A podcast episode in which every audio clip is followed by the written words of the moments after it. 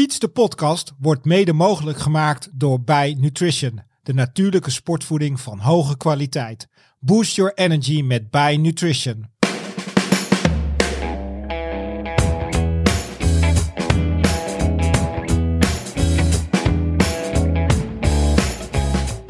Ik denk voor het soort fietsers dat wij zijn, uh, En, voor ja, de looks.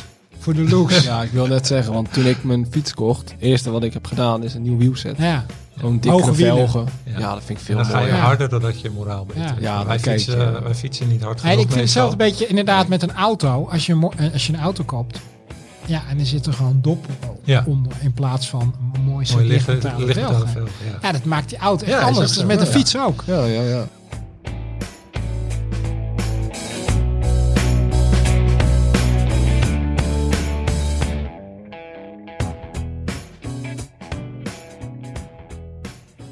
Liefhebbers van de fiets, welkom bij Fiets de Podcast, aflevering 53.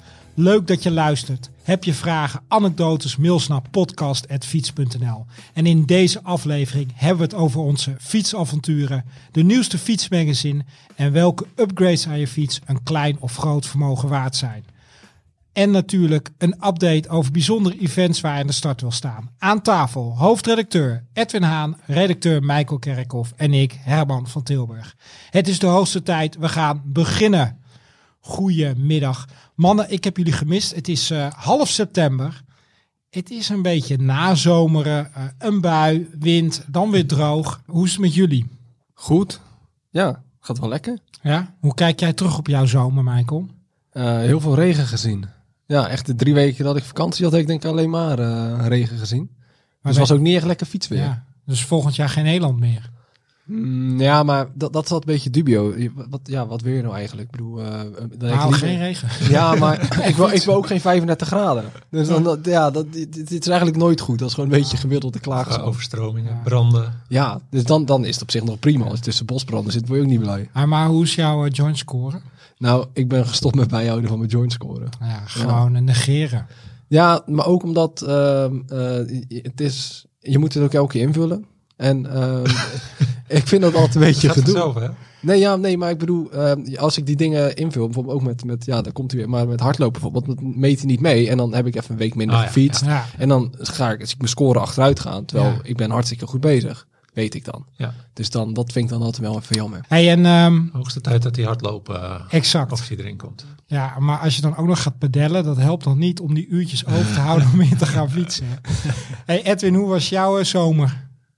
Ja, eh, afwisselend denk ik eh, is een goede omschrijving. Ja, want jij, jij bent op verschillende plekken geweest. Ja, ik was in Glasgow Ja, met de squatter. het meest, ja, toch wel voor ons, zeker jongere generatie, maar ik denk voor veel luisteraars. Ja, daar, daar gebeurde het eindelijk. Ja, het was briljant. Ik vond het eh, echt eh, een ontzettend leuk WK. Ik heb ook heel veel eh wielersport gekeken waar ik normaal niet naar kijk. Van die kunstjes op de BMX. En, Ja. Want jij was daar natuurlijk voor, op uitnodiging van Specialized. ja, die presenteerde daar de nieuwe, nieuwe tarmac, hè, de SL8. Dus dan konden we daarop fietsen. Er waren twaalf journalisten vanuit eh, de hele wereld. Daar, daar was ik er één van. En, eh, dus wij mochten daar op die fiets rijden. En zeiden dan natuurlijk de goede hoop dat, eh, dat die fiets een dag later Wereldkampioen. wereldkampioen Ja. ging worden. Dat ging helaas niet door. Voor hun Nee, wel, daar dat vonden wij niet zo erg. Want wij waren heel blij dat de matje won. Ja, waar heb jij het gezien? Ik heb het eh, grootste deel langs het parcours gezien. Maar eh, toen het echt eh, spannend begon te worden, ben ik snel naar het hotel gegaan. En Om het achter de te tv kunnen zien. Want dan kan je het echt wel veel beter zien. Ja, hoe was de sfeer in, in Glasgow? Ja, feestelijk. Het is echt, eh, die mensen zijn helemaal gek van fietsen daar. En, eh, En van bier. en van bier. ja, de avond daarvoor, want ik ben er maar kort geweest, ik kwam een avond daarvoor aan. Ik, het was een soort Sodom en Gomorra daar. Ik liep, we hadden ergens gegeten en toen liep ik naar het hotel langs het Centraal Station. Om half negen s'avonds was dat. Ik denk, En dat iedereen 80 lag toen al lam. die vrouwen die zijn een soort van half naakt. Het, het is volgens mij standaard, die Engelse, die, die, die, die Engelse vrouwen, die dragen of die minirokjes en eh straalbesopen. Die mannen zijn ook straalbesopen. Ja, Dat hangt over elkaar, het schreeuwt en zo. Ik zag een vrouw die werd gearresteerd door de politie. Nou, de meeste mensen liepen er gewoon langs alsof er niks aan de hand was. Het is gewoon, eh, business as usual usual. business. Ja, Ja. het is gewoon een gemiddelde avond in Schotland. bizar. Vrijdagavond, Ja. half negen, Ja. iedereen in de... En eh, het was eh, natuurlijk niet super lekker weer of zo. Het Nee, was ook wel een graadje of eh 16 denk ik. Maar ze hadden gewoon nauwelijks kleren. Heel bizar vond ik. Maar, was- de koers was mooi en eh, het sfeer was briljant. Er stonden echt eh, twintig dik langs het waren er veel Nederlanders. Eh, Er waren veel Nederlanders, er waren ook heel veel Vlamingen. Maar ook heel veel, eh, heel veel Engels. En wat me Ja. opviel is dat eh, heel veel locals ook op de fiets waren gekomen.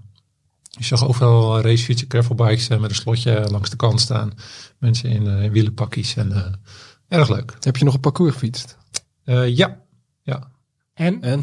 Stijl. Bochtig. Ja, bochtig en stijl. Echt. Ik vond het, ja, het was een een soort, monsterlijke race. Hè? ja, er was veel commentaar op, hè, maar ik vond het prachtig. Het was gewoon Ja. een soort van, eh, ja, een criterium van, eh, en van uitputtingsslag. Ja, hier kon niet anders dan de sterkste winnen. Ja. Dat had ook weinig met tactiek te maken. Dat is gewoon, eh, Nou, maar als je dan dat podium, of hè, die, die vier die overbleven, ja, dan mooier kan je toch niet krijgen. nee. Nee, dit was gewoon een droomscenario. Waar, waar zag jij het? Op je regenachtige verblijf in, eh dat was ergens Drenthe?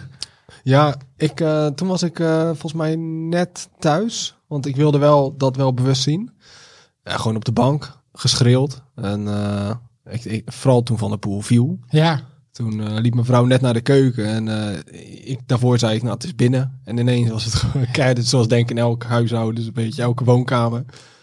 Ik kwam hardlopend, kwam ze aangelopen. Ah, wat is aan de hand? Wat is aan de hand? Ja, ja, dat was er aan de hand. Maar dat was niks. Ik, ik dacht eerst even, dat zal toch niet. En dat is een schoenplaatje. Ik dacht, ah, daar gaan we.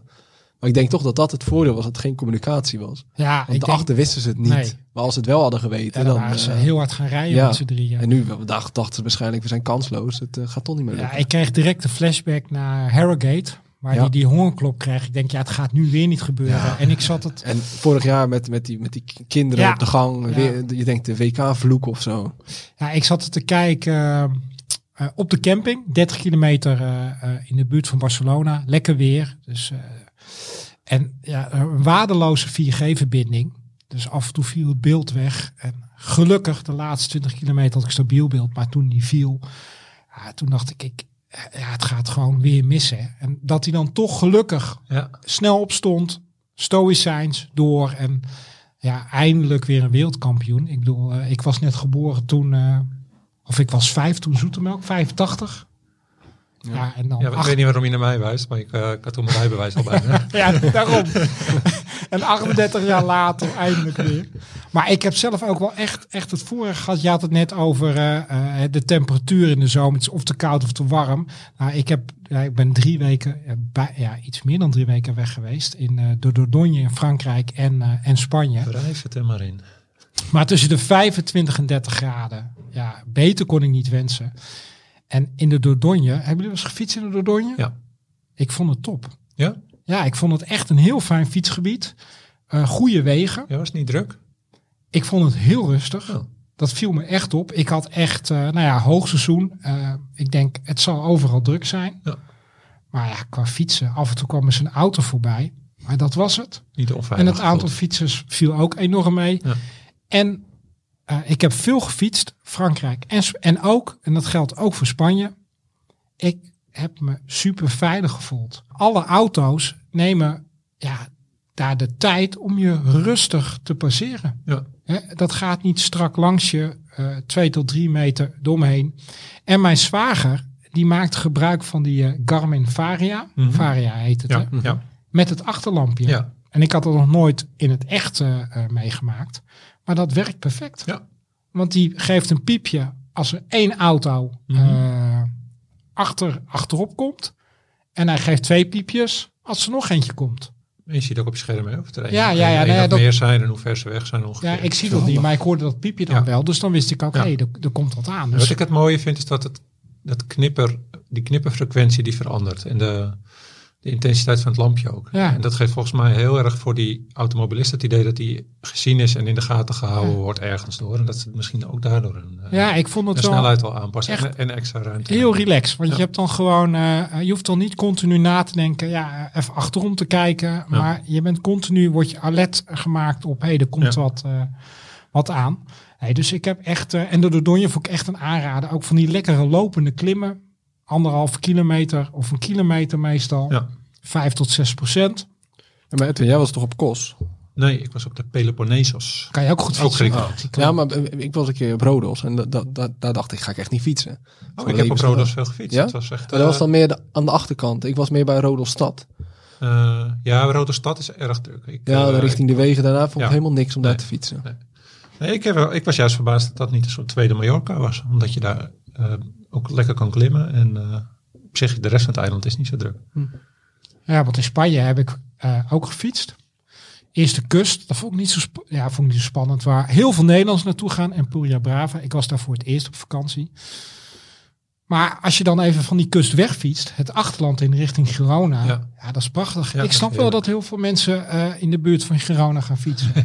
Die heuvels, Ja, je kan daar aardig alles, groen. alle kanten op. Ja, Ja. fantastisch. Weg, gravel. Ja. Ehm, relatief rustig. En later heb ik eh, in de buurt van Barcelona gefietst. Ook nog naar Barcelona zelf. Dus met de fiets door de stad bij de Sagrada Familia. Nou, eh, hartstikke leuk. Tijdritparcours van, eh, Tijdritparcours verkend. Toen, toen met licht. met, met licht Toen met voldoende en licht. droog. Ja, wel, wel zonde hoor. Dat, dat, dat, dat ze dat niet gegund was. Mooi weer. Ja, mooi. Maar daar hadden ze hè, iets anders moeten plannen qua tijd. Maar dan kan je ook het achterland qua heuvels, ja, schitterend fietsen. En ik heb ook zo nog zo'n ehm, begeleide fietstocht gedaan met mijn gezin door Barcelona. Ja. ja. aanraden. Als je dat bent, doe het. Drie uur lang gefietst. Prachtig verhalen over de stad. En het is een echte fietsstad. Ja. Ik vond de infrastructuur, veel fietspaden, eh, wordt overal rekening met eh, fietsers gehouden. Eh, als je in Barcelona bent, ga ook gewoon eh, lekker met de fiets de stad door.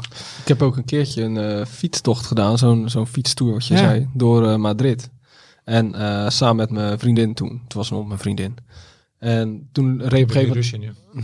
Dus je hield niet van fietsen. Nee, nee, maar het was mooi, want langs de Banco Espanja en allemaal mooie Ja. plekken. En op een gegeven moment stopten we bij een, eh, ja, allemaal zwanen en eh, allemaal romantisch en koppeltjes. En toen heb ik dus schijnbaar de hint gemist dat dat een hele mooie plek was. En Ah. de huwelijk gevraagd. Ah, Dus vanaf dat moment, eh, er, ik me elke keer nog aanhoor. van, Ik dacht toen echt dat je met de huwelijk ging vragen. dus zo'n fietstocht kan ook heel gevaarlijk zijn. Dus je moet altijd goed opletten wat er aan de hand is. En, eh, ja, nou ben ik al heel wat jaar getrouwd, dus dat risico. Ja, nee, maar dat is voor, de, voor de, Ja. diegenen die nog niet onder de plak zitten. Die, eh, Ja. Hey, en ehm, zo'n moment van vakantie is ook altijd voor mij een beetje een moment van bezinning. hè. Een beetje nadenken. Oké, straks richting het najaar. En die avonden worden al wat korter. Vind ik ook altijd een wat lastig momentje. Denk, oh ja, hè, qua fietsen ook wordt weer minder weer zometeen. Hoe houden jullie dan de motivatie vast? Ja, ik heb daar nooit problemen Nee? mee. Ik vind fietsen gewoon eh, te leuk. Altijd eh, Maar hoeveel kilometer heb je tot nu toe gefietst? ehm 6600 of zo. En jij, Michael?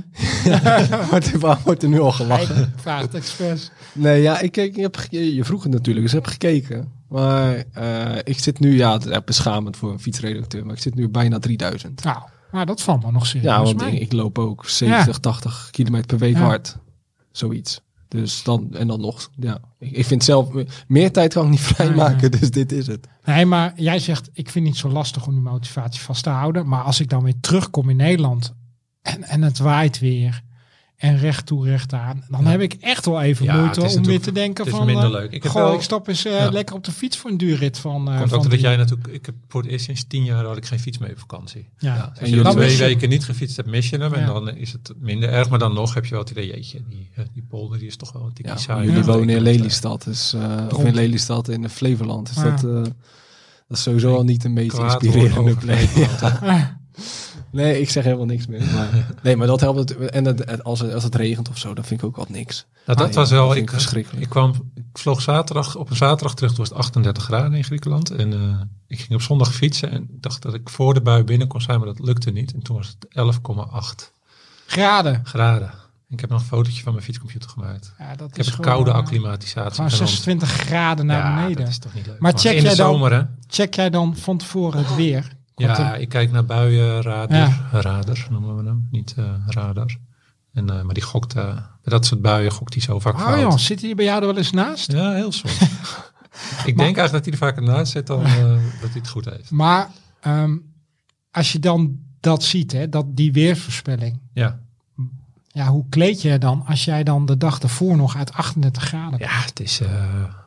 kou is een emotie. En, bla bla bla. Het is ook maar water. Ja, Nee, ik trek me er niet veel van aan. Het was een kort ritje. Hè. Eh, Ik heb 45 kilometer gefietst Ja. of zo. Dat is een uurtje. Dus als, het- als het nat wordt en je het koud krijgt, moet je harder gaan fietsen. maar, maar hebben jullie dan nog doelen? Ja, Want ik, ik deel eh, dat- ik probeer deel me zo snel mogelijk weer eh, in, in vorm te trappen Ja. voor die tijdritten die er nog aan zitten te komen. Ik heb een eh, klassement te verdedigen. Hè. Ja, Ik sta tweede bij de 50-plussers. bij eh Sloten. Opsloten, ja. Ja, maar wanneer is dan de volgende tijdrit? Eh, volgende week vrijdag. Ah ja, oké. Dus je hebt nog een aantal tijdritten. Ja, en, want ik heb die zaterdag daarna heb ik er weer een, twee achter elkaar. Volgens mij ben ik daar niet zo goed in. Ja. Herstellen. Herstellen, ja. En daarna nog iets? Ehm, daarna ga ik eh, dit jaar eindelijk eens werk maken van, eh, van, het, van het strandrace. Ah, heb je ook al ingeschreven voor een eh strandrace? Nee, dat nog niet. Een, een doel in je hoofd? Hier zoveel mogelijk rijden. Ja. Egmond is, sowieso. Egmond Egmond, sowieso. Egmond. Ja, ja. En ik weet niet of je de komende winter ook weer op Texel is. Die heb ik nog nooit Ah, gedaan. ja. Die wil ik heel graag een keer rijden. ah, dus je hebt wel een aantal doelen. eh, Ja. En jij, Michael? Is Ik- er nog iets wat jou eh hart sneller doet kloppen? Nou ja, ik, ik, ik wil eigenlijk gewoon... eh, ik, ik zit daar een beetje doelen te zoeken. Weet je, zoeken Maar misschien naar... moeten we jou helpen, of de luisteraars. nee, want er komen de gekste dingen. Dat ga ik niet doen. Nee, maar gewoon normale doelen. Niet, eh, ik bedoel, het kan, kijk, een doel van... eh, ik heb nog nooit boven de 200 kilometer gereden. Wel 180 of zo. Ja. Maar dat zou al een doel kunnen Ja. zijn natuurlijk. Ja, misschien moet je eh, onze vorige podcast even luisteren met Nicole. Hey, die 1200 kilometer fiets.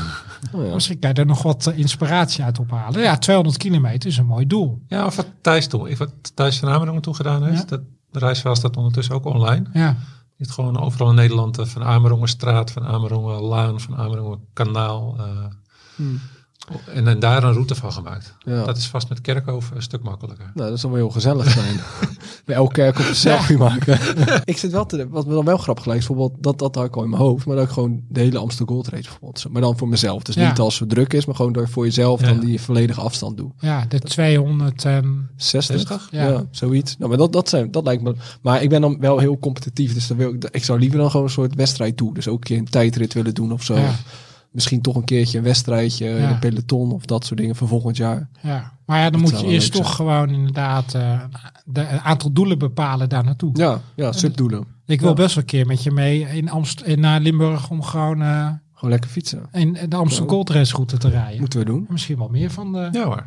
van de redactie. Edwin is ook een klimmer, dus die kan Ja, prima. Klimmetje. Precies, klimmers live. Nee, ik heb ehm, over een a- twee weken, 1 oktober, ga ik nog eh, die gecombineerde gravel race in België doen. In de buurt van Leuven. Dat is weer zo'n UCI qualifier. Ja.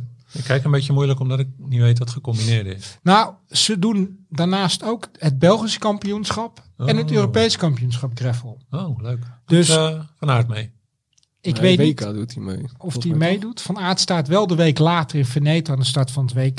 Hè, een paar weken geleden deed hij natuurlijk voor het eerst mee Ja. aan de gravel race minuten. verliezen. Ja. Ehm, negen minuten verschil op nummer twee. En ehm, ja, eh, ik ben benieuwd wat hij op het WK gaat doen. Maar dit is inderdaad ook weer een, eh, een grote wedstrijd waar ze veel eh, toppers ook aan de start verwachten. Er was ook nog wat geruchten dat misschien Van der Poel daar eh, ging starten. Ik hoop het, zou het leuk vinden. Ja. Nou mag ik natuurlijk niet in dezelfde box starten als hij. Maar eh, Nou, dan rij je er even Kunnen we regelen. ja, ik hoop in ieder geval nog een poging te doen. eh, te kijken of ik in mijn leeftijdsklasse in de buurt kom voor kwalificatie. Ja, dat zou In zijn. Drenthe, Gravel 150, als ik nog terugkijk op mijn zomer, eh, die heb ik nog, eh, die was 15, begin, nee, 15 juli was die, Eh 150 kilometer. En ik dacht, nou ja, kwalificatie wordt hier heel lastig. Achteraf kwam ik een paar minuten tekort. Dus daar baalde ik achteraf toch wel een beetje van. Want dan ga je toch ook terugdenken, ja, waar heb ik het dan laten liggen? Eh, maar wel echt compliment voor de organisatie dat ze toch rondom Rode eh, het lukt 150 kilometer Ja, uit te zetten in een heel uitdagend eh off-road parcours. Eh, waar er wel hard werd gereden. Maar ik had meer stukken asfalt verwacht. Nou, die waren er niet. Dus dat was wel echt een aanrader. We hadden ook mooi weer bij. Een mooi deelnemersveld. Dat scheelt ook al. Ja, en ehm, ja, wel een voor herhaling vatbaar. Ik ga even naar de prijswinnaar eh, van onze podcast voor de zomer met Louise Cornelis. Over eh, optimaal blijven fietsen als de leeftijd omhoog kruipt. En de vraag was, wie schreef het boek Fast After 50? Nou, eh, uit de vele inzendingen was natuurlijk het juiste antwoord. Laat ik daar eerst mee beginnen. Joe Friel. En uit die vele inzendingen is als winnaar naar boven gekomen. Ja, daar gaan we even trommel op de tafel. Dat is Matthijs Eigelshoven uit Weesp. En hij krijgt natuurlijk het boek Optimaal Blijven Sporten. En een heel mooi pakket van onze partner bij Nutrition Sportvoeding. We gaan het hebben over eh, het magazine, jongens. Er wordt hartig gewerkt aan, eh, aan het nieuwste fietsmagazine. Komt natuurlijk eind september uit. En we hebben een heel bijzonder thema. Michael, kan je daar iets meer over vertellen? Het thema is vermogen. En vermogen eigenlijk uh, kun je op twee manieren kun je interpreteren. Maar wij hebben gekozen voor de, voor de kracht. Voor, uh, voor vermogen op de pedalen eigenlijk. Hè? Beetje een combinatie ook wel met vermogen qua geld. Ja. Qua aankopen op marktplaats bijvoorbeeld hebben we een leuk artikel over. Ehm, maar eigenlijk is vooral vermogen. We, trainen op vermogen. ja, enzovoort eigenlijk. Dat, dat is eigenlijk waar het een beetje om gaat dit thema. Hey, en Marktplaats, wat, wat kan ik me daarbij voorstellen? Uh, we hebben een oproepje geplaatst. Uh, we waren op zoek naar, uh, naar lezers die uh, hun fiets op Marktplaats hebben gescoord. En die hebben allemaal verschillende verhalen. Dat is erg leuk. en sommigen die, zijn er heel actief mee. Die kopen er een na, naar de andere fiets, knappen ze op, verkopen ze weer door. Er kwam ook iemand tegen die was eigenlijk niet zo heel gemotiveerd meer om te fietsen. Maar die kwam zijn droomfiets tegen op, op Marktplaats. Kocht die en die heeft ontzettend veel lol in het fietsen. Uh, iemand die gewoon uh, de wegwerpmaatschappij, uh, daar staat Ja. niet aan. Dus die heeft zoiets, ja, waarom moet alles nieuw? Je kunt toch Ja. prima, prima tweedehands kopen. Zo. Allemaal, allemaal heel mooie verhalen. En, leuk. en er valt natuurlijk ook heel veel te kopen op Marktplaats. Dus Ja. niet alleen fietsen, Nee. onderdelen, et cetera. En over het algemeen heb ik er ook goede ervaring mee. Ik heb, ik heb regelmatig ook eh, spullen gekocht en verkocht. eh, ook, ook qua fietsen. Ja. En als je een beetje eh, verstand van hebt, of je neemt iemand mee, dan kan je een prima fiets kopen. Ja. En Michael, jij hebt ook, als je het hebt over vermogen, nou, ja, sprinters moeten behoorlijk vermogen kunnen trappen. Zeker. Heb jij eh, Arvid de Klein gesproken, prof bij eh, Tudor Cycling, dat is de ploeg van eh Cancellara. Ja, ja. Hoe was dat? Ik was vooral benieuwd hoe, dat, hoe, hoe hij. Kijk, vermogen. Je begint nooit op vermogen met qua trainen. Iedereen, kijk naar jou. Hoe ben je ooit begonnen met fietsen? Waarschijnlijk door op snelheid. Ja, dat je kijken, inderdaad denkt gemiddelde, hè? Van eh, je probeert met 30 Ja. gemiddeld thuis te komen. Ja, precies. En dan de volgende stap is er. Zeg van nou ja, dan, dan word ik wel een keer zo moe. Laat ik op gevoel gaan rijden. Denk ik.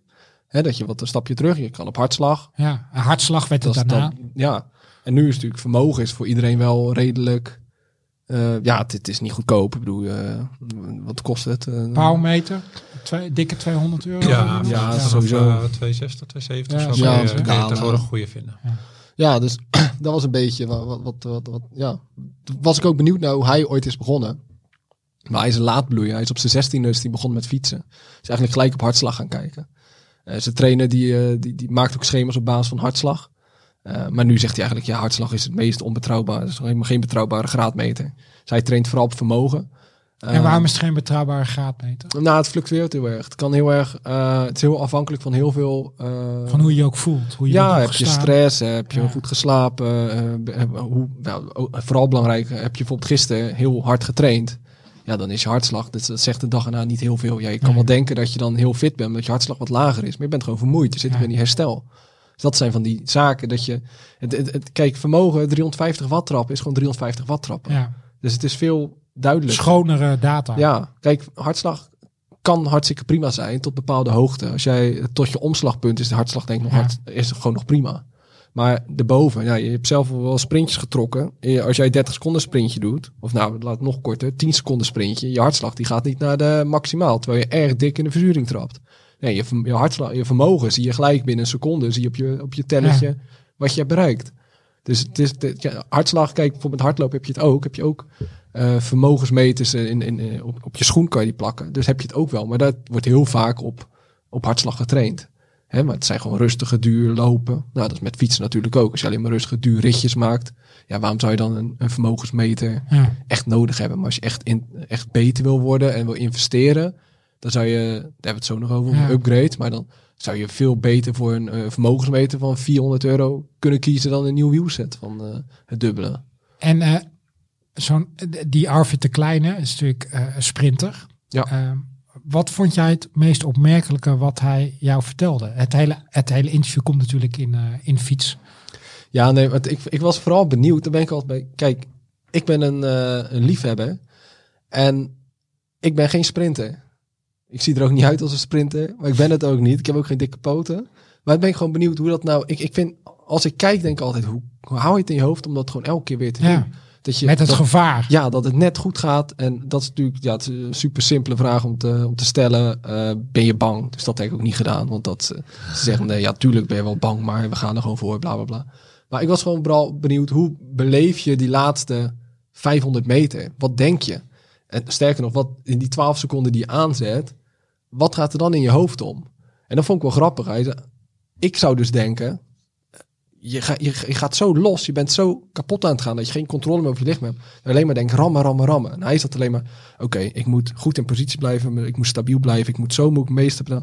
En dan, dat vond ik heel interessant om te zien hoe die, om te horen hoe die dat beleeft, maar ook dat hij daarna terugkijkt van, hoe kan ik nog harder gaan volgende keer? Is dat door recht te blijven, groot te maken, dan kan je meer vermogen trappen.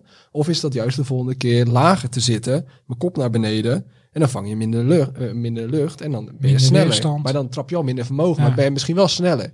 Dus die sprinters die, die analyseren hun eigen sprint ook nog om te kijken van hoe kan ik sneller zijn. En het, het- dat vond ik ook opvallend. Hij zei ja, de, de beste sprinter eigenlijk met, niet met de hoogste wattages. Want als je superhoge wattages trapt, dat betekent eigenlijk dat je te veel moet Ja. trappen en dat je dus in de wind rijdt. De beste sprint ga je op het juiste moment aan of je zit in het wiel van iemand en dan ga je pas laatste stuk eruit. Ja, dan vang je zo min mogelijk lucht en eh, wind en dan kan je... Het belang natuurlijk van een enorm goede trein Ja. eh, die lead-out. Ja, dus het is veel meer dan hard trappen, zo'n sprint. Het is, een, het is het bewegen door het peloton en ja, dat, dat kun je allemaal lezen in fiets natuurlijk. Ja. Dus eh, dat, dat omschrijft hij het heel leuk. Maar dat is, dat is wel, ik vind dat super interessant, hoe dat nou in het hoofd van de sprinter... Hij zei het zelf dat het eigenlijk twee keer zo langzaam gaat. Dat het niet, hij beleeft het gewoon alsof in een auto zit. Dat als jij keert op de rem trapt, dan daarna ben je ook, heem- sta je helemaal aan. Ja. Ben je super scherp. Hij zegt, dat is met de sprint ook. Je bent zo super scherp. Maar ik neem aan dat die spanning, hè, die scherpte opbouwt. Hè? Want eh, als, als je weet inderdaad, het, het, wordt een, het wordt een etappe die gaat uitlopen op een sprint. Ja, die, die 80% van die koers moeten ze wachten. Misschien wel 90%. Hè? Ja. Als het aankomt op die laatste 10 kilometer. Het positioneren van die treintjes. Ja. En dan moet hij aan. Ja. En dan moet die sprinter zich gaan klaarmaken voor de laatste kilometer. Ja, maar ik denk dat het ook... Kijk, die eerste eh, 160 kilometer ben je natuurlijk ook wel scherp. Maar er gebeurt er nog niet Nee. heel veel spannends. Maar als je echt in elk gaatje gaat, ja, dan ga je, kom je vanzelf aan. Want dan komt ook het gevaar meer. Dat je meer moet remmen, bewegen en, en dat soort zaken. Dus ik denk dat dat ook een beetje opbouwt. Heeft hij ook nog verteld over eh, waar, waar zijn grootste doelen liggen? Nee, ja, hij rijdt dit jaar rijdt hij nog ehm, een paar koersen in Frankrijk. En eh, de ronde van Langkawi en de ronde van Guangxi. Ah ja, de tropische Ja. eindejaarskoersen. Maar toen zei ik hem ook al, want ik ken die ronde van Langkawi. Ik weet niet, kennen jullie Pro Cycling Manager van vroeger? Ja, dat- spel. Ja, dan had je ook een ronde van Langkawi als 10 kilo, 10 etappes of zo. Ja. En dan gewoon lekker met allemaal sprintritten. Dus daar kende, kende hij het ook van. maar het is voor het eerst dat hij naar Azië gaat. Maar volgend jaar is eh, Tudor wordt echt een hele Ja, leuke ploeg. Ja, ze hebben, ze hebben natuurlijk geld. Geld. Ze zijn van die horloges. Dus Ja. eh, de, de, de Cancellara. Zwitsers. Dus, eh, ja, ze hebben echt een goede ploeg zijn ze aan het bouwen. Maar hij is daar echt wel de sprint. Hij heeft dit jaar Milaan-Turijn gewonnen. ja, Ik denk achter Jacobsen, Kooi en Groenewegen is hij op dit moment. en Laatbloei, hij is 29, maar heeft dit jaar denk ik zijn beste jaar.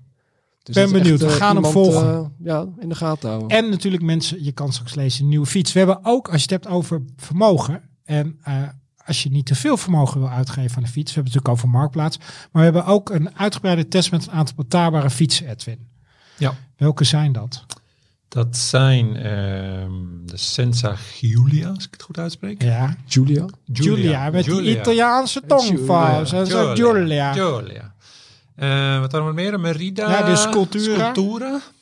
Dat is niet de Italiaanse Ja, Sculptura. Merida. Allebei twee carbon fietsen. Ja, en ehm, de Trek ALR5. Dat ALR staat voor aluminium. Aluminium, hè? ja, ja. Ja. Waar helemaal niks mis mee is natuurlijk. Nee. Als materiaal. Nee, kan je nee. nog eens mee onderuit gaan. Ehm, we hebben ook nog een bijzondere fiets uit Lille, uit Noord-Frankrijk. Ja, Leon van Bon die heeft eh, de Van Rijssel getest waar eh, volgend jaar eh Ja. mee gaat rijden. Opmerkelijk, ze ruilen ja. BMC in. Dat zie je natuurlijk nu al vaker. Hè, Dat eind van het jaar weer ploegen van een eh, fietsenmerk gaan, gaan wisselen. Is eigenlijk, eh, ja, dat is een Decathlon fiets hè? Ja, Dat eh, zo'n, vroeger eh, was Decathlon merk natuurlijk van ook al in de, Decathlon. in de World Tour. Of toen, toen was het nog geen World Tour, maar in het profpeloton. Ja. Eh, ook al bij ACDR ooit. hè. Eh, dus ze komen weer B2 nog? terug. Ja, je had het er Nee, net over, net, hè? eh, net, Wij eh, dachten zei Decathlon. Decathlon. Dachten Daarna wel boven. B-Twin hoor. Ja. Daarna is wel Ja, een periode geweest B-Twin. maar nu dus van Rijssel. Dat is ook En, van eh, 6 de volgens mij ook. Ja. ja. Ik heb de tekst eh, al eh, binnen. Leon was er eh, erg enthousiast over. Fiets ziet er ook mooi uit. Zo. Ja, vind je? Ja, op de ik- foto's. Ja. Het vind hem- niet. Nou, ik vond hem wat saaiig. Eh, ik maar hou niet zo van zwart. wat zwarte fietsen. Nee, ik Maar- vond- Nee, is persoonlijke smaak. ja, maar, maar eh, qua vorm en zo is je, ja, het ze gaan wel steeds meer op elkaar lijken natuurlijk, die aerofietsen. Wat kost zo'n fiets? Deze was, wat zei je, hebben nou net, 4800 100 euro, euro, met een voor, Force groep. Helemaal carbon, Ja. eh, mooi wielsetje. Wat eh, ik nog steeds een bizar bedrag vind voor een fiets met twee wielen waar je zelf op moet trappen. Maar Ja. eh, Met een paalmeter ook zit er zit ook een in. powermeter bij in, maar eh, prijs is kwaliteit. Dus, maar als je naar de concurrentie kijkt, onverslaanbaar volgens mij. Eh, en nou ja, eh, ik dacht dat je voor 2800 euro ook nog wel andere fietsen met een voorschroep en een carbonwielen. Maar dat wordt toch wel echt een lastige Ja, opgave. een uh, tweedehandsje op Ja, marktplaats. wat natuurlijk ook prima kan. Even kijken. Eh, volgens mij een bomvol magazine weer. Ligt gewoon eh, binnenkort in de winkel of op je mat. Eh, we gaan even naar eh, een boodschappen doen. Eh, de commercial. Eh, voor je boost, voor, tijdens en na het fietsen heeft partner bij Nutrition een speciaal Fiets de Podcast sportvoedingspakket samengesteld. En jij kan deze aanschaffen voor 35 euro met een waarde van maar liefst 61 euro. Reken op een dikke box vol met repen, gels, sportdrank en twee soorten shots. Ga naar bij.nl slash fiets of check even de link in onze show notes. En gebruik de code podcast voor een korting van meer dan 40%. We gaan naar het hoofdonderwerp jongens. Uh, we hebben natuurlijk over uh, vermogen al gehad. En ook het uh, nieuwe fietsmagazine gaat over vermogen. We hebben het over upgrades. Hè? En welke upgrades aan je fiets leveren nou meer vermogen voor een klein of groot vermogen? Um, heren, ja, dat is mooi gezegd. Zin, mooi gezegd. Ja, vermogen in watts, maar uh, wat is het ook waard? Wat vond jij de meest relevante upgrade aan je fiets? Oeh, uh, ik denk dan toch een wielset. Ja. Daar is volgens mij de meeste winst te behalen. Je krijgt ook niet meer vermogen natuurlijk door iets te kopen. Dat lukt je. Ja, vermogen in watts? Nee? Nee, je kan je, daarvoor moet je trainen. Je kan eigenlijk alleen snelheid kopen. Ja, of dat je, dat je minder vermogen hoeft te trappen ja. om dezelfde snelheid ja, precies, zo, zo bedoel ik hem. Ja, als je meer vermogen koopt, dan zit je aan de doping ja. waarschijnlijk. ja, kan ook, hè. Maar ja, dat is dan ook niet helemaal Dat is geen goede upgrade. Dan nee. hebben we het over upgrades aan je fiets. Nee, ja, wielset. Een, uh, een lichtere wielset of een uh, meer aerodynamische wielset. Ja, en daar gaan we natuurlijk zo uh, op terugkomen. voor jou, Michael, een upgrade aan je fiets gedaan? Ja, ik, ik weet niet of dan uh, zo'n powermeter telt. Telt wel, ja, toch? dat vind ik ook, vind een, ik ook vind ik een upgrade. Ja, ik vind het wel een upgrade, ja. Ja, uh, een, uh, een stuur. Ik heb een cockpit opgezet. Ja. Oh ja, ja toen een losse stuur, ja. stuurpencombinatie. Los, en nu ja. heb je zo'n... Uh, echt een aero cockpit. Ja. ja. en dat vind ik echt wel... Dat is ook carbon. Echt wel, ja, carbon. ja, dat is echt een stuk sneller. Het ziet er ook veel mooier uit. Ja, maar ik dat is wel grappig. Daar hebben we nog discussie over gehad. Op die, uh, die SL8 zit natuurlijk ook zo'n cockpit. Ja, de uh, nieuwe tarmac. Komt de nieuwe tarmac. Ja. En uh, de, ze hadden ook de ontwerpers ingevlogen naar Schotland. Dus ja. die mochten we helemaal bevragen over alles wat we wilden weten. En zij hadden gemeten dat hun nieuwe sturen, nou, ze, ze zeggen altijd uh, zoveel, uh, zoveel wat sneller is ja. dan het oude stuur. Maar toen vroegen we van, uh, heb je ook met uh, fietscomputer gemeten? En dat hebben ze niet gedaan, omdat ze zeggen, ja, dat is geen doen, want er zijn zoveel fietscomputers. Dan wat moet je daarmee? Maar je raakt dus gewoon een derde van je voordeel kwijt door die fietscomputer ervoor te zetten. Qua, dat hadden ze wel uh, gemeten qua luchtweerstand. Die fietscomputer geeft dan weer zoveel wervelingen ja. dat je gewoon een derde van dat mooie cockpitje waar je net een paar honderd euro aan uit hebt gegeven, ja. dan ben je daar eigenlijk weer kwijt. Dus maar, het is echt hoog tijd dat, uh, dat, dat, de fietsbrillen met zo'n uh, head-up display komen. Ja, maar daar moet natuurlijk ook best wel wat geïnvesteerd natuurlijk in. Of tenminste, je ziet in heel Varia ook aan allerlei uh, mounts. Hè, ja. Die hè, qua aerodynamica. Ja, ja. als je het hebt over relevante upgrades. Jij zegt powermeter en je hebt inderdaad je cockpit, wielset. Um, ik, als ik fietsen kocht, dan was voor mij altijd het allerbelangrijkste ook die wielset. Ja. Want wat kan je winnen met een goede wielset? Uh, ja, redelijk wat. Ligt, ja, het is altijd moeilijk uh, om, een, om een heel duidelijk antwoord op te geven, omdat het er heel erg aan ligt uh, hoe hard je zelf fietst. Ja, Want maar bijvoorbeeld hoe waarom je zou je, fietsen, hoe meer voordeel je ja, waarom zou je een carbonnen wielset kopen in plaats van de alu wielset die vaak standaard op een fiets zit? Ik denk voor het soort fietsers dat wij zijn, eh, voor, de, voor ja, looks. Voor de looks. Ja, ik wil net zeggen, want toen ik mijn fiets kocht, het eerste wat ik heb gedaan is een nieuw wielset. ja. Gewoon wielen. velgen. Ja. Ja. dat vind ik veel dan ga je mooier. Ja. harder doordat je moraal beter Ja. Ja, wij, dan kijk fietsen, wij fietsen niet hard genoeg ik vind meestal. hetzelfde beetje inderdaad met een auto. Als je, eh, als je een auto koopt, ja, en er zit er gewoon dop Ja. onder in plaats van mooi Mooi liggen, velgen. Ja. Ja, dat maakt die auto echt Ja, anders. is zo. met Ja. fiets ook. Ja, ja, ja. Nee, maar als we het echt, echt wetenschappelijk bekijken, kan je misschien nog beter investeren in betere banden dan in, eh, in betere wielen.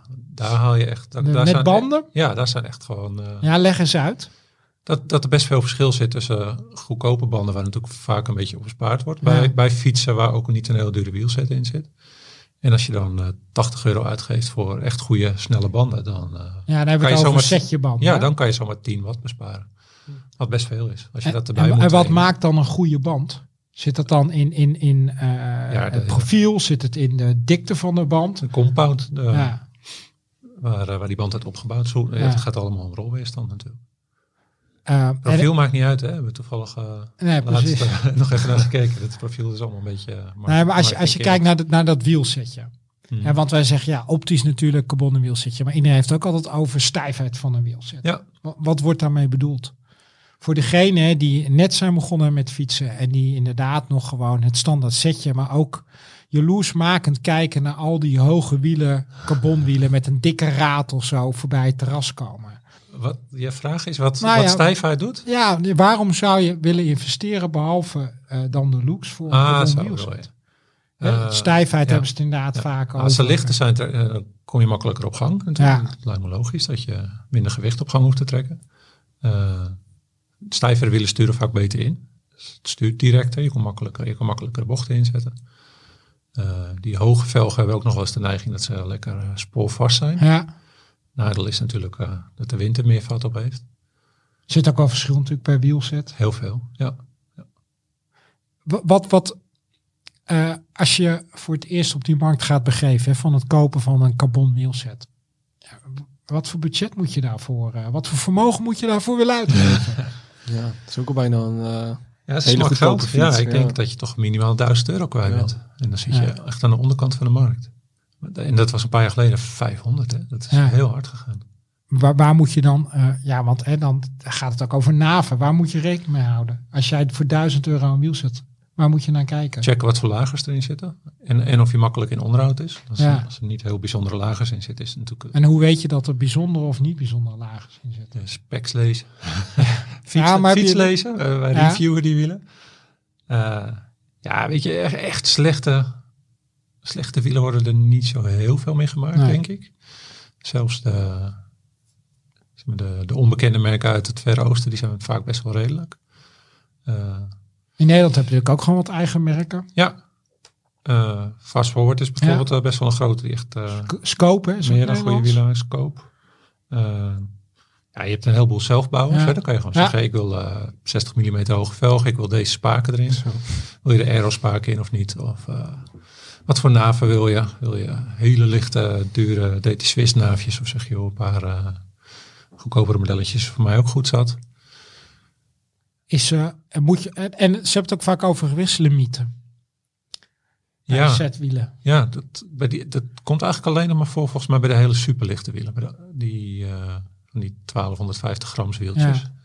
Dat er maximaal bereid is. Ja, en dan hè? is het vaak nog wel, dat, dan dan moet je het gewicht van je fiets trouwens ook nog bij optellen. Hè? Dat vergeten mensen soms wel eens. Eh, ja, dat volgens mij het meest extreem wat ik wel eens gezien heb, is 85 kilo wat erop mocht. Dus dan mag je zelf op 75 wegen. Maar ik reed in het verleden vaak wielen stuk, omdat ik heel groot en ook heel zwaar ben. Ik heb dat Ja, al- of je heel ik veel heb dat al kracht op die, eh, pedalen. Ja, misschien is dat ook wel, ja. Maar ik, eh, pff, ik heb al jaren geen, geen wielen meer stuk gereden Nee. eigenlijk. En onderhoud, moet je er nog rekening dat je met, met dingen houden als je een carbonnen wiel zet? Nou, sinds we schijfremmen hebben, heb je in ieder geval niet meer dat die velgrand Nee. slijt door je, door je velgremblokjes. Maar daar kom je ook goed mee, eh, eh, mee thuis mee weg. Hè? Ik bedoel, als je nu zegt, ja, ik wil nog een carbonnen wiel zetten. Je hebt net die fiets gekocht met Ja. schijfremmen. Ja, maar nu ook nog een carbonnen wiel zetten. Ja. En dat kost dan ook weer 1000 euro. Ja, maar nu ze lange niet meer. ja. Ja. Nee, ja, eh, het, het fijnste is natuurlijk als de lagers makkelijk te wisselen zijn. Als je dat zelf zou kunnen doen, dan Ja. bespaar je een boel geld mee. Als je er iedere keer voor naar de fietsenmaker moet en die is, Zoals ik. eh, die is daar een uur mee. Ja. Ja, zoals jij. Dan, eh, ja, aan de andere kant, als je je wiel een beetje netjes onderhoudt, eh schoonhoudt, niet eh, constant door de pekel rijdt en zo, dan hoef je natuurlijk ook niet iedere drie maanden je lagers te vervangen. Nee. zo. Daar doe je jaren mee. Ik was nu aan de beurt met mijn lagers. Oh, Ja, En van mijn gravelbike. jij gaat naar je fietsen maken, Ja. neem ik aan. Ja, carbonnen wielset. Ja. Hij maakt al een half jaar een raar geluid. Oh, half jaar ook Ja. al. En toch maar gegaan. En eh, mijn favoriete mechanieker Jasper, shout-out naar Jasper, die zei, eh, ja het is toch wel heel knap dat je een half jaar met gravelwedstrijden en ook nog je Met hele verrotte lagers rijden. vakantie, en dat, dat, dat, dat het ook allemaal nog heeft heel gehouden. Ja, Maar inderdaad, van mijn achterwiel, ja, hij zegt dat kan me zo uitvallen. echt De, kogeltjes, en, eh, Jezus. Ja, het was nou, allemaal verrot. Kan toch niet. Dus ehm, dat is gelukkig allemaal weer gefixt. Maar ik, hij heeft en de lagers plus ook wat ander onderhoud, nieuw stuurlintje zelfs. Mhm. Daar ben ik te beroerd voor Ja. om dat zelf te doen. Ja, fietsenmakers moet ook leven. Exact. Ja, dat Maar is wel echt een eh, dingetje. Ja, nieuwe, dan, dan, hou je fiets op en er zit een nieuw stuurlintje op. En dan betaal je wel de hoop. Nou, ik had het gevraagd en eh nieuwe ketting. Ja, dat, Ook? Waar je niet om vraagt. Nee, heeft hij, dat vraagt hij ook. Oh, dat vraagt hij wel. En hij was ook wel, en laat hij ook zien, hè, van eh Ja. fotootje stuurt hij. Van is je ketting eraan toe. Ketting, stuurlintje en, en ook eindelijk mijn ehm, voorvork was afgezaagd. Want Ja. die stak nog wat uit. Oh, dat had je nog niet gedaan. Nee, Dat had ik nog zo. niet gedaan. Ja, is nu ook goed. En ehm, En wat voor lagen zit er in je wielen? Weet je dat dan? Of vertrouw je gewoon op nee, ik op vertrouw op zijn Ja. expertise. Keramische? Nee, geen keramische keramische. lagers. Het is Dat is nog wel iets als je wielen gaat kopen. Het is prachtig hoor, keramische lagers, maar er is echt nergens voor nodig. Nee, nee dus die, die zitten ongetwijfeld in deze carbonnen wiel zitten, zitten geen keramische Nee. laag. Maar ik was 265 euro kwijt. Oké. Is dat, volgens mij is dat, denk ik. Hè? Ik weet niet hoeveel, eh, hoeveel tijd ze erin gestoken hebben. nou ja, ik denk best wel wat tijd, toch? Ja. Maar het dat- lijstje, had lagers dat ook vervangen, ongeveer, ketting, Ja, nou, stuurlintje. ja, ne- lijkt mij een nette prijs. Ja, Ja, Eh, het is wel zonde, maar ja. Je kan wel weer lekker fietsen. Als je Nou het ja, zelf moet doen, dan eh, voor wielagers heb je ook gereedschap nodig. ja, heb ik Ja. niet. Nee, Kennis. Kennis? Ook niet. Ja, maar dat is allemaal te vinden natuurlijk. Weet je, het is allemaal geen eh, rocket science. Het is Nee, maar het is wel je fiets. Ik, ik ben altijd bang dat ik het sloop. Dat is Ja, het, we dat heb hebben ik ook. een, een 102, nee, wat- dat, Ja, die gids. Die onderhoudsgids. Die Ja, is Jij bijna kan onderhoudsbui. Maar, Ja, weet je, maar jullie kunnen ik, het ook, maar maar dat jullie vind proberen ik, het vind ik zo grappig. Zo'n onderhoudsgids vertelt het altijd op zo'n manier. Natuurlijk geeft het heel goed, die onderhoudsgids, perfect informatie van welke stappen je moet doorlopen en welk materiaal. Maar het ziet er altijd zo makkelijk uit. En dat vind ik altijd met die Ja. klusprogramma's. Nou, Dan gaan ze een huis verbouwen. En dan zie je altijd van die vrolijke dodo's. Hè, binnen 10 minuten verbouwen ze zo'n hele kamer. En eh, lijkt het inderdaad, hè, een ki- een kind kan de was doen. Maar ik raak zwaar gefrustreerd als ik zo'n programma zit te kijken. Want ik weet, ja, bij mij kost het echt gewoon drie keer zoveel tijd. En het gaat tien keer fout. ja. Ja. ja, ik heb dat gelukkig niet. Nee, ja, jij bent heel erg handig. Ja. En jij vindt denk ik ook heel erg leuk. Ik vind het ook leuk, klussen. ja. ja. En ik ben ook te gierig om bij iemand te betalen om Ja, te schilderen als ik het zelf dat kan. misschien ook. Weet je, dat geld geef ik liever uit door een vakantie. Ja. of zo. Nee, ik, eh, ik sponsor dan graag gewoon eh, mijn lokale fietsenmaker. ja, dat is ook goed. Ja, dat is het ook. En inderdaad, ik ben ook gewoon hartstikke onhandig. Het En het is natuurlijk ook als je, eh, stel dat je dit jaarlijks zou moeten doen, hè, nieuwe ketting, eh, Ja. eh, een keertje lagers, een keertje een keertje wat anders. Voor 250 euro per jaar je hobby kunnen uitoefenen. Dat is nog steeds Ja, je hebt een, een winterbeurtje voor 120 euro of zo. Ja. Wat alles even lekker doorgesmeerd. Precies. Nou, dat vind ik altijd. Ja. Ik vind dat altijd wel fijn. En Ja. ook in de fiets van eh Fietsmagazine van augustus hè, stond een heel artikel over de eh, fietsenbranche. Hè, waar nog geld valt te verdienen. Ja. Ja. dat is in het In onderhoud. ja. Maar ja, goed. Hè, vind ook maar een goede mechanieker. Dat is natuurlijk ook een eh, uitstervend eh, beroep. Nou, hier naast ons. Nou ja, als je het niet meer weet, Edwin. Ik kan altijd nog fietsen, fietsen sleutelaar worden. Hey, en qua upgrades, die banden, hè, zei je. Ja. En je hebt natuurlijk eh, ja, door de bomen het bos niet meer zien. Als je het hebt over hoeveel banden je kan kopen. Ja. Waar moet je beginnen? Hè, als jij een fiets krijgt met een standaard fiets koop je, zit een standaard wielzetje, standaard banden op.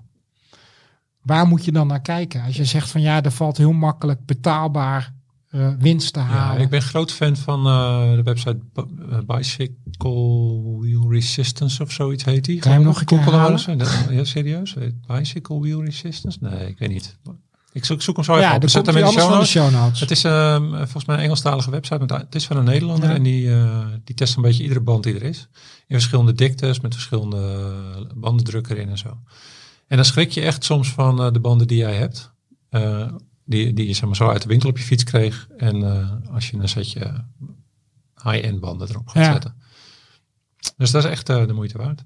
Als het je tenminste gaat om eh, met zo min mogelijk moeite zo hard mogelijk Ja. te gaan. hè. Want dat hoeft natuurlijk helemaal niet altijd. Hebben jullie een gouden regel met bandbreedte? Zo breed mogelijk. Ja, hoe, hoe breed is die van jou? In mijn, in mijn aerofiets, waar ik het meest op fiets, Ja. past het eh, niet groter dan 28. Nou, je hebt, anders zou je breder gaan. Nou, op zo'n fiets denk ik misschien Nee. niet. 30 zou op zich ook nog wel, eh, wel fijn zijn, denk ik. Maar het breder hoeft ook niet. Ja. En op mijn gravelbike rijd ik het liefst met 45, Ja, ja. waar heel veel mensen 38 al breed vinden. Dus, eh, Nee, ik rijd op 45 Ja. voorbij. En dat bevalt me prima. Ik reed eerst 40, 45. Maar ik heb nu verschillende parcours gereden. En ik kan prima met Ja. 45. Ook drie weken eh, asfalt in ja, Frankrijk. precies. Als gaat je het goed. in Nederland aan elkaar wil knopen op het asfalt, dan kan je met die 45 mm banden ook goed. Hey, en, en, eh, hoe, wat voor bandjes heb jij qua breedte? 28. Ja, ik ook 28. Ik rijd Ja, dat is de sinds, nieuwe eh, standaard, ja, hè? ja, ik vind het ook heel fijn. Ja. Gewoon lekker veel grip. Ja, Ik heb op mijn tijdritfiets trouwens twee maten, standaard. Er zitten voor 25 en achter 28. ja. Gek hè, hoe dat ja, evolueert. dat is dan weer voor de, was voor het de, voor de 23 hè? aerodynamica. Ja. Ja. 21 heb ik geloof ik Ja. gehad. 21 zelfs. Met eh 9 bar erin of zo. Ja. Dat is niet te doen. Nou ja, we hebben natuurlijk al eens een keer uitgebreid discussie gehad over tubeless. Gaan we niet eh, nu voeren, maar eh, kan je wel terug horen in een eerdere uitzending waarom ik vind dat je best tubeless kan rijden. En waarom Edwin en Michael het gewoon voor de weg misschien eh, wat minder relevant vinden. Hey, die powermeter, Michael, hè, als je het hebt over een andere upgrade. Dat is natuurlijk iets wat de afgelopen jaren enorm populair is geworden, de powermeter. Jij hebt daar ook een artikel over geschreven, wat ook in de nieuwe fiets staat. Ehm, jij hebt geïnvesteerd in die powermeter. Wat voor type powermeter heb jij? Ik heb een enkelzijdige. Ja. Is de van Favero. Ja, In je pedalen. Ja, Is met dat- pedaal. ja. In je pedalen? Ja, met pedaal. Ja, ja. Nee, want je hebt natuurlijk gewoon eh, in je krenkarm ja. Ja. of in je krenkspijder of Ja. inderdaad pedalen. ja, ja, klopt. Wat, wat heb jij, Edwin? Ook ik heb pedalen? eh, ook pedalen. ja. Ja. Waarom zou je kiezen voor pedalen in plaats voor een betaalbare krenkarm? Ja, nou, in, in dit, ik vond het fijne, gewoon pedaal, vond ik gewoon een fijne idee. Maar het is ook wel dat je moet wennen bijvoorbeeld aan de, aan de, aan de schoenplaatjes of zo. Dat ze wel een ding kunnen zijn dat Ja. je denkt, ik doe het niet. Want het werkt met look, hè? En- Ja, ja. ja. Je hebt Maar, ook voor Shimano. Hou wel ook. Shimano? ja, ja, het is natuurlijk wel, ja, het is even wennen, maar dat, eh, dat, dat- ja, dat, dat, dat, ik vind het echt prima. Ik Maar vind waarom eh, is het wennen dan? Omdat je eerst met... Ja, ik reed eerst met Shimano. Ah ja, op die manier. Dus dan is het eventjes even, Ja. ja. maar dat zijn echt dat best zo aan gewend. Dat is niet heel spannend. Maar ik vind het, het rijden met een vermogensmeter vind ik echt wel, ik vind de upgrade waard. Ja, Je kan veel specifieker, je kan nauwkeuriger trainen. Eh, toch moet ik zeggen dat ik best vaak op hartslag kijk. Maar als ik dan echt sprinttrainingen doe of ik ga een heuvel op, dan vind ik het altijd wel leuk om te kijken wat ik dan qua wattage trap. Ja, zelfs als je niet serieus aan het trainen bent, is een vermogensmeter gewoon nog... Ja. Voor de prijs van tegenwoordig is het gewoon een hartstikke leuke gadget. Ja. Omdat het, wat, wat, wat kost gemiddeld een powermeter? ja, ik denk... eh, Favero was 400 enkel en dan Ja. dub- dubbel. Dus dan meet hij beide benen. Ja, als je eh, SRAM 600 rijdt, die hebben tegenwoordig 229 euro voor een crank volgens mij. Ja, dat is- arm. Dan Ja. hoef je alleen maar aan één kant je, de arm van je begint al bij een goedkoopste of goedkoopste elektronische Ja. groep. Dat is wat eh, ehm, bij de rifle groep. En dan is het gewoon grappig om te zien hoe je, hoeveel wat je gemiddeld hebt gefietst. Eh, wat je maximale vermogen is dat je in een sprintje kan trappen. Kan je vergelijken met je fietsmaatjes. Ja, het En het- vooral meten en weten dat je, eh, je ziet, je kan echt je vooruitgang meten. Ook dat is het leuke. ja. Je Ja. kan bijvoorbeeld zelf gewoon een 20 minuten test doen. Gewoon wattage trappen. En je kan, ja, het is veel makkelijker om te zeggen, stel je rijdt 240 watt of zo. En gewoon rond de 240 blijft hangen. Hè, Als je op je hartslag gaat, je gaat rond je omslagpunt, in mijn geval 185, ja. Op een gegeven moment ga je zo de verzuring in, dan gaat die toch naar 190. Maar wattage blijft gewoon wattage. Is 185 wat je omslagpunt? 186 is mijn omslag, ja. Hey, en, en waarom eh, kies je voor het enkelzijdig in plaats niet voor het dubbel? Ja, ik zag het nut niet in. Van, ik, ik ben geen prof. Ik, eh, ik vind het leuk om... Kijk, het, het is echt een, een foutmarge volgens mij niks. Dat been, Ja. Ik heb wel een beenlengteverschil, maar niet echt een krachtverschil. Dus mijn linkerbeen is net zo sterk als mijn rechter. Dus je- soms dan doe ik wel expres even Want hij staat standaard links, hè? Voor Ja. de enkels. Ja, klopt. Maar dan soms check ik wel even van, eh, dan zet ik links expres meer aan en dan zie ik hem dan echt wel flink omhoog gaan. Dan zet ik rechts aan, dan zie je niks. En dan weet je, oh ja, dat, zo werkt het. Nou ja, volgens mij pakt hij het gemiddelde. Hè? Dan eh, telt hij het een beetje bij elkaar op. Ja, tenminste, hij verdubbelt de Hij linker. het gewoon, ja. ja. dus Ja. dat is gewoon heel... Ja. Want jij hebt ook een enkelzijdig. Nee, ik heb dubbel. dubbelzijdig. Ik heb eh, toen een setje toegestuurd gekregen voor een review. En eh, ik was zo enthousiast over dat ik, eh, ik heb ze toen overgenomen. Ja. Ik kon ze toen kopen. Ook van uh. Ja. Ik, echt ik, ben een beetje...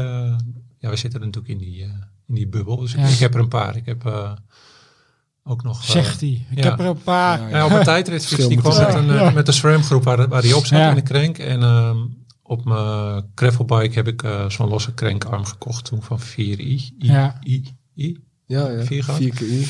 Eh, dus ik heb er drie eigenlijk. En dat is ook leuk, want dan kan je op iedere fiets trainingen uitvoeren. Ja. Ja. Maar, En ik heb ook nog wel eens op de mountainbike heb ik van die Garmin pedalen gezet. Eh, maar daar zie ik het nut er nog niet zo heel erg van in. Omdat je op de mountainbike kun je zo moeilijk... eh, tenminste, het moet aan mij liggen. Maar je kan bijna geen blokken trainen natuurlijk. Want de ene keer gaat het omhoog, de andere keer naar beneden. Je moet remmen voor bochten. Ja. En, eh, Hey, maar ik heb dus gehoord dat iemand die aan tafel heeft geen vermogensmeter. Ik heb er geen een. Nee. Nee. Dus, dus wat zou je mij dan adviseren? Moet ik dan pedalen of moet ik een enkelzijdige? nou ja, jij test ook fietsen voor ons. Dus je hebt geregeld een andere Pedalen. fiets onder je kont. Dan is het gewoon Ja. super handig als je die pedalen eraf kan schroeven. En, Ja. eh, en op een andere fiets zetten. En toch die van Vero's eh, of eh, Garmin. Ja, of nou ja, Garmin's die zijn echt uh, loeiduur natuurlijk. Ja. Ik zou eh, aanraden, Als ik nu 16 keer Garmin erop krijg, ik ze misschien met korter. Ja. nou ja, als je gewoon wacht tot, eh, dit is wel heel gierig, Nederlander, maar op Black Friday, ja. heb ik ook Ja, gedaan. dan heb je Ja, vaak Dan leuke heb je ze, aanbiedingen. Ja. goedkope vind je ze niet meer. Ja. Dus nu, moet je wel snel zijn, want nu gaan natuurlijk miljoenen luisteraars. Ja, ja, ja, allemaal wachten op Black Friday. Nee, maar het scheelt wel veel geld. Nee, dus die en- de, de powermeter met pedalen. Er en is in toch ieder nog een geval, hele tijd eh, zo'n bedrijfje geweest dat ze heel goedkoop zou maken. Hè? Met zo'n met een Kickstarter. ja, klopt, toen, eh, ja. duizenden mensen geld ingelegd. En dat ding is er nooit gekomen. We hebben daar nog een heel artikel over gehad. Twee Oh ja, keer zelfs. Ja. ja. Ja. Weet je dat? eh, Weet u nog de naam van, eh, van die powermeter? Hoe heet dat nou? Nee, ik ben het even kwijt. Dat is niet heel lang geleden, Nee. toch? Een paar jaar Paar terug. jaar Ja, geleden, jaar terug denk ik. zo'n Ja, beetje. dat vind ik, ja. Maar dat, was nog, dat is nog een hele soap geworden. Want dat geld is gewoon eh pleitloos. Goed zien. Ja. Ja, En iemand, eerst zou je eh, een, eh, een heel mooi pedaal krijgen. En toen zat er een of andere lelijke pot naast. En toen... eh, Amerikaans. eh, was Nee, het Duits, was toch? Nederlands toch? Oh, ja. Nederlands? Ja, het was Nederlands. Want dat, eh, die, eh, volgens mij is die, die knakker van uh, Boos daar nog een keer langs gegaan. Van Boos. Ja, Ja. Tim Hofman. Tim Hofman die is Ah. daar nog langs gegaan. En eh, Ja, toen eh, die, stonden daar eh, nieuwe Tesla's voor de deur. Maar pedalen maken, Nou ja, pedalen je leveren geval deden waar ze het niet. geld... eh, En ze waren ondertussen alweer een nieuw bedrijf begonnen. Ja. Beetje oude koeien Ja, zo sloot het, halen dit. Maar, hey, en ehm, van powermeter naar een hele belangrijke, maar misschien wel onderbelichte. Een zadel. Hoe belangrijk is, is het zadel? van levensbelang. Eh, nee, ja, dat ligt aan eh, hoe eh, gevoelig jouw eh, Billetjes. billetjes zijn. Ja, ja. maar ik heb op... En hoeveel je fietst natuurlijk. Hè? Ja. Als jij altijd, eh, als, als 30 kilometer voor jou een end is, dan eh, zal het iets minder spelen Ja. dan wanneer je zoals jij eh Flatlands 300 gaat, eh, gaat rijden. Ja, maar ik heb op al mijn fietsen... Of, oh, dat klinkt zo... eh, eh, Oh, maar maar dertig ja, fietsen. nee, maar ik heb, ik heb op mijn gravel race... En maat allemaal hetzelfde zadel. Oh. Ja, Omdat maar als ik dan, iets goed is, is het Ja, goed, precies. toch? En Ja. dan ben ik toch wel... Het is als ik dan op een andere fiets... En dan ga ik toch continu Ja. het idee hebben... Ja, Ja, dat is toch vind minder ik ook lekker het, eh, het vervelendste onderdeel van ons werk. Dat ik zadels Ja. moet testen en dat je soms gewoon een zadel hebt waar je niet... Weet je, het zadel is dan niet slecht, maar dat Nee. past gewoon niet bij mij. Ja. En eh, Maar hoe kom je daarachter? Als je, als je, ja, doordat je pijn in je kont Ja. krijgt en dat, dat het niet weggaat. En dat je zit te schuiven of... eh, ja, want er zijn ook allerlei eh, maten? Ja. Eh, qua, qua doorsnede van het Ja. zadel. Ehm, qua breedte. ja, hoe, hoe kan je erachter komen dat je op de juiste type zadel zit? Ja, je moet eigenlijk voor naar een bikefitter Ja. en dan nog kan het fout gaan. Ze gebruiken vaak zo'n methode dat ze even meten hoeveel je zitbordjes uit elkaar zitten. Dan moet je ergens op gaan zitten, dan krijg je twee, twee drukpuntjes van oh, hier zitten jouw zitbordjes. En dan zeggen ze, nou jij moet een, eh, een 142 zadel of een eh, of smaller of breder. Eh, dan is het vaak ook nog eh hanteren ze hoe lenig je bent of, of hoe diep je Ja. zit. Dus als jij Ja. heel vaak onder in de beugel zit, dan heb je een ander soort zadel dan wanneer je heel rechtop zit. Maar eh, ook dan, ik heb wel eens zadels van bikefitters gekregen die zeiden, dit moet bij jou perfect zijn. En daar zat ik echt helemaal niet lekker op. Ja. En, en andersom ook wel eens. Dat iemand zei, ja, dit zadel is voor jou veel te dun, dat weet ik zeker. En dat kon probleemloos dagen op rijden. Ja, dus wat dat is heel... Uitproberen, ja. Uitproberen, er zijn persoonlijk. tegenwoordig heel veel zadelmerken die zo'n eh, 30 dagen Ja. niet goed geld teruggarantie hebben.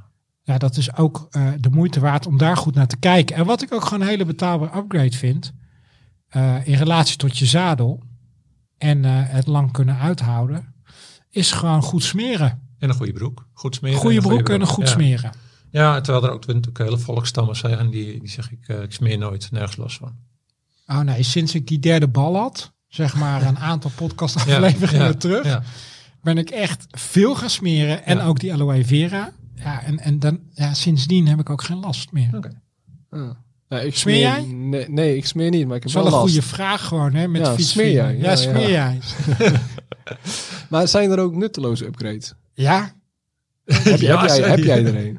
nou, kijk, als je begint met fietsen en je hebt nog niet heel veel geld voor bijvoorbeeld een carbon wheelset, maar je wil die fiets wat upgraden en, en je wil die fiets wat meer smoel geven, nou, dan kan je bijvoorbeeld beginnen met ja, titanium of carbonnen bidonhouders. Ja. Ja. En daar zit ook over verschil in hè, qua bedragen. Ja. Ja, ik heb een keer een eh, bidonhouder gehad. Die woog 4 gram. En die kostte om 20 euro. Ja. Ja, ik niet gekocht hoor, ben niet Nee. gek. Maar dan denk je, ja, wat, wat, is dit, wat, wat heeft dit nou voor nut? Ja, hoewel ik het wel belangrijk vind dat de, dat de bidonhouder wel past bij, je, bij de kleur van je fiets. Ja, of twee bidonhouders, twee verschillende bidonhouders. Nee, op dat je kan fiets. niet. Kan niet. nee. Twee verschillende bidons. Daar vind ik ook dat het niet kan. Ja. Dat, daar kan je ook investeren. Klein Ja. vermogen, Ja. twee Ja. passende bidons. Ja. Ja, ja je hebt... Je hebt Dus die vind ik wel zinvol. ja. ja, ik zit Maar niet te denken die- wat je nog meer hebt. Ja. Ja, je, ook gewoon qua kleren of qua dingen. Dat, dat, ja, dat is natuurlijk wat verder, wat anders. Goede schoenen, goede sokken. Nou ja, sokken kun je ook al voor eh, vermogen kopen Ja. tegenwoordig. Ik weet niet of dat heel eh, slim is. Ik heb wel eens een topcap met een grappig plaatje gekocht. Een? Topcap. Oh ja. Ja, die, zeg maar, die je in je, bovenop je zadel Ja. of bovenop je stuur en in je, Ja. in je voorvork stopt. Ik ook. Heb ik ook eens een Ja, keer. ja, dat is natuurlijk totaal nutteloos, maar wel grappig. Ja. ja. Die is nog betaalbaar. Ja, Ja, dat Eh, zijn de kleine dingetjes, ja. ja. Ja, goed. Onderhoud, schoonmaakmiddelen. Dat is wel relevant. ja de, wij hebben iemand eh, op de redactie rondlopen die zweert bij eh Dusty, heet dat hè? Ja, ja dat is Ja, zeggen, Dat kan ik- je bij de Action kopen. Ja, het Ja, kost eh, maar 1,39 voor, eh, voor een liter Ja. geloof ik. Sowieso goed je fiets schoonmaken. Ja, ja stuurlint. Ja. Ja, stuurlint is lastig, want eh, ik heb ook wel eens eh, op AliExpress zo'n eh, stuurlint gekocht. Daar hoeft hij alleen de verzendkosten te betalen. Ja, dat, dat was gewoon, ja, dat kan daar zo. Dan koop je dingen en dan, dan eh, maken ze gewoon de verzendkosten wat hoger. En dan verdienen ze er alsnog eh 30 cent op of zo. Dan denk je, ik doe dat nu niet meer hoor. Want dat was zeg maar nog voordat iedereen, eh, en ook ik nadacht over het milieu. Ja. Ik, ga geen stuurlinten en, uit Chi- uit China laten komen.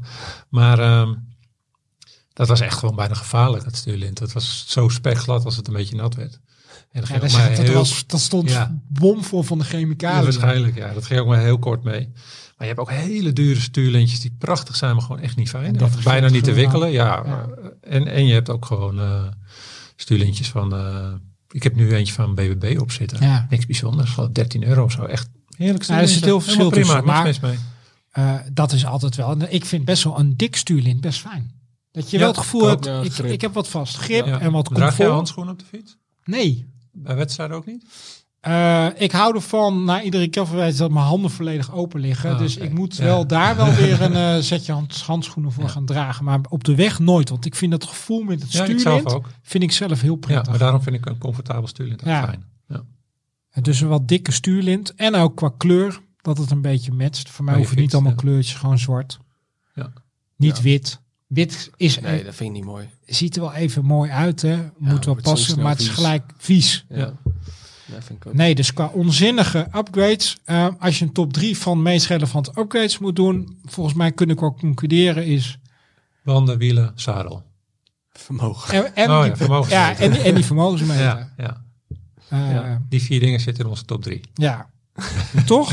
Ja, gedeelde derde plek. Nou, laten we het daarbij houden. En natuurlijk eh, kan je op onze website eh, fiets.nl eh, allerlei info vinden eh, en, en adviezen over als je een carbonnen wielset zou willen aanschaffen. Of een vermogensmeter. En de site over banden gaan we natuurlijk even in de show notes zetten. Tot slot, ehm, de events voor de komende weken. Eh, we hebben weer een aantal events geselecteerd die, die de moeite waard zijn. En je ook nog wat motivatie geven om te blijven fietsen. Ook als het wat minder weer is. Eh, meer events, eh, check dan even onze kalender op fiets.nl. Op zondag 1 oktober, waar we het net al even over hadden, het EK, BK Gravel Kampioenschap, maar ook een UCI Gravel Series wedstrijd. En daar kan iedereen aan meedoen. Er zijn nog een paar kaarten, uh, wees er wel snel bij. Het is een uitdagend gravelparcours rondom Leuven.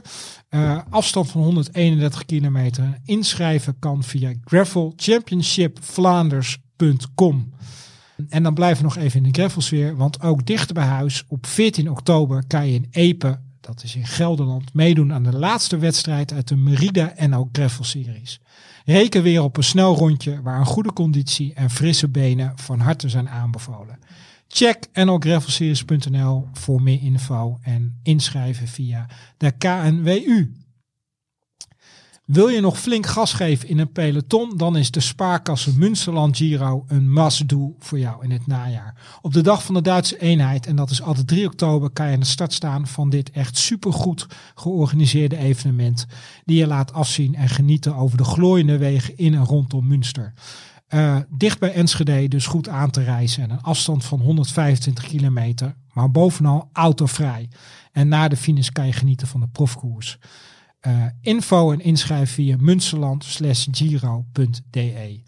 Uh, in Ermelo op 7 oktober de Ermeloze MTB-tocht. En volgens de organisatie uh, een mooie geuzennaam. Veluws taaiste MTB-marathon van 100 unieke kilometers. Je mag natuurlijk ook voor minder gaan voor 30, 45 of 60 kilometer. En na de finish kan je op z'n Duitse stellen rekenen op biertafels en Duitse snacks. Inschrijven via fietsport.nl. En de laatste op 8 oktober in Amersfoort. Inmiddels een traditie, de welbekende meewindkoers. Een verzorgde toertocht van 70, 120 of 150 kilometer. Uh, en ook nog eens een gravelroute van 90 kilometer. De route voert over de Utrechtse Heuvelrug en door de Gelderse Vallei. En na afloop geniet je op het Finish Festival. Info en inschrijven via meewindkoers.nl. En last but not least, we hebben ook nog ons eigen feestje. Want voor de vierde keer organiseert Fiets een superleuk event in Lochem. En dat is altijd op 23 september, de dag voor de Strade Bianchi Achterhoek. En daar kan je nog voor inschrijven op fiets.nl. En wij zetten het ook nog even in de show notes. Uh, we gaan dan uh, met alle redacteuren en uh, voor iedereen die zich aanmeldt een aantal mooie routes fietsen rondom Lochem. Uh, wees er snel bij, want het wordt een ontzettend leuke middag. Dit was alweer aflevering 53 van Fiets de Podcast. Dank voor het luisteren. Abonneer je op Fiets de Podcast in je favoriete podcast app en besteed een minuutje aan een review. Zo wordt onze podcast makkelijker gevonden door andere fietsliefhebbers. Tot de volgende Fiets de Podcast en blijf fietsen!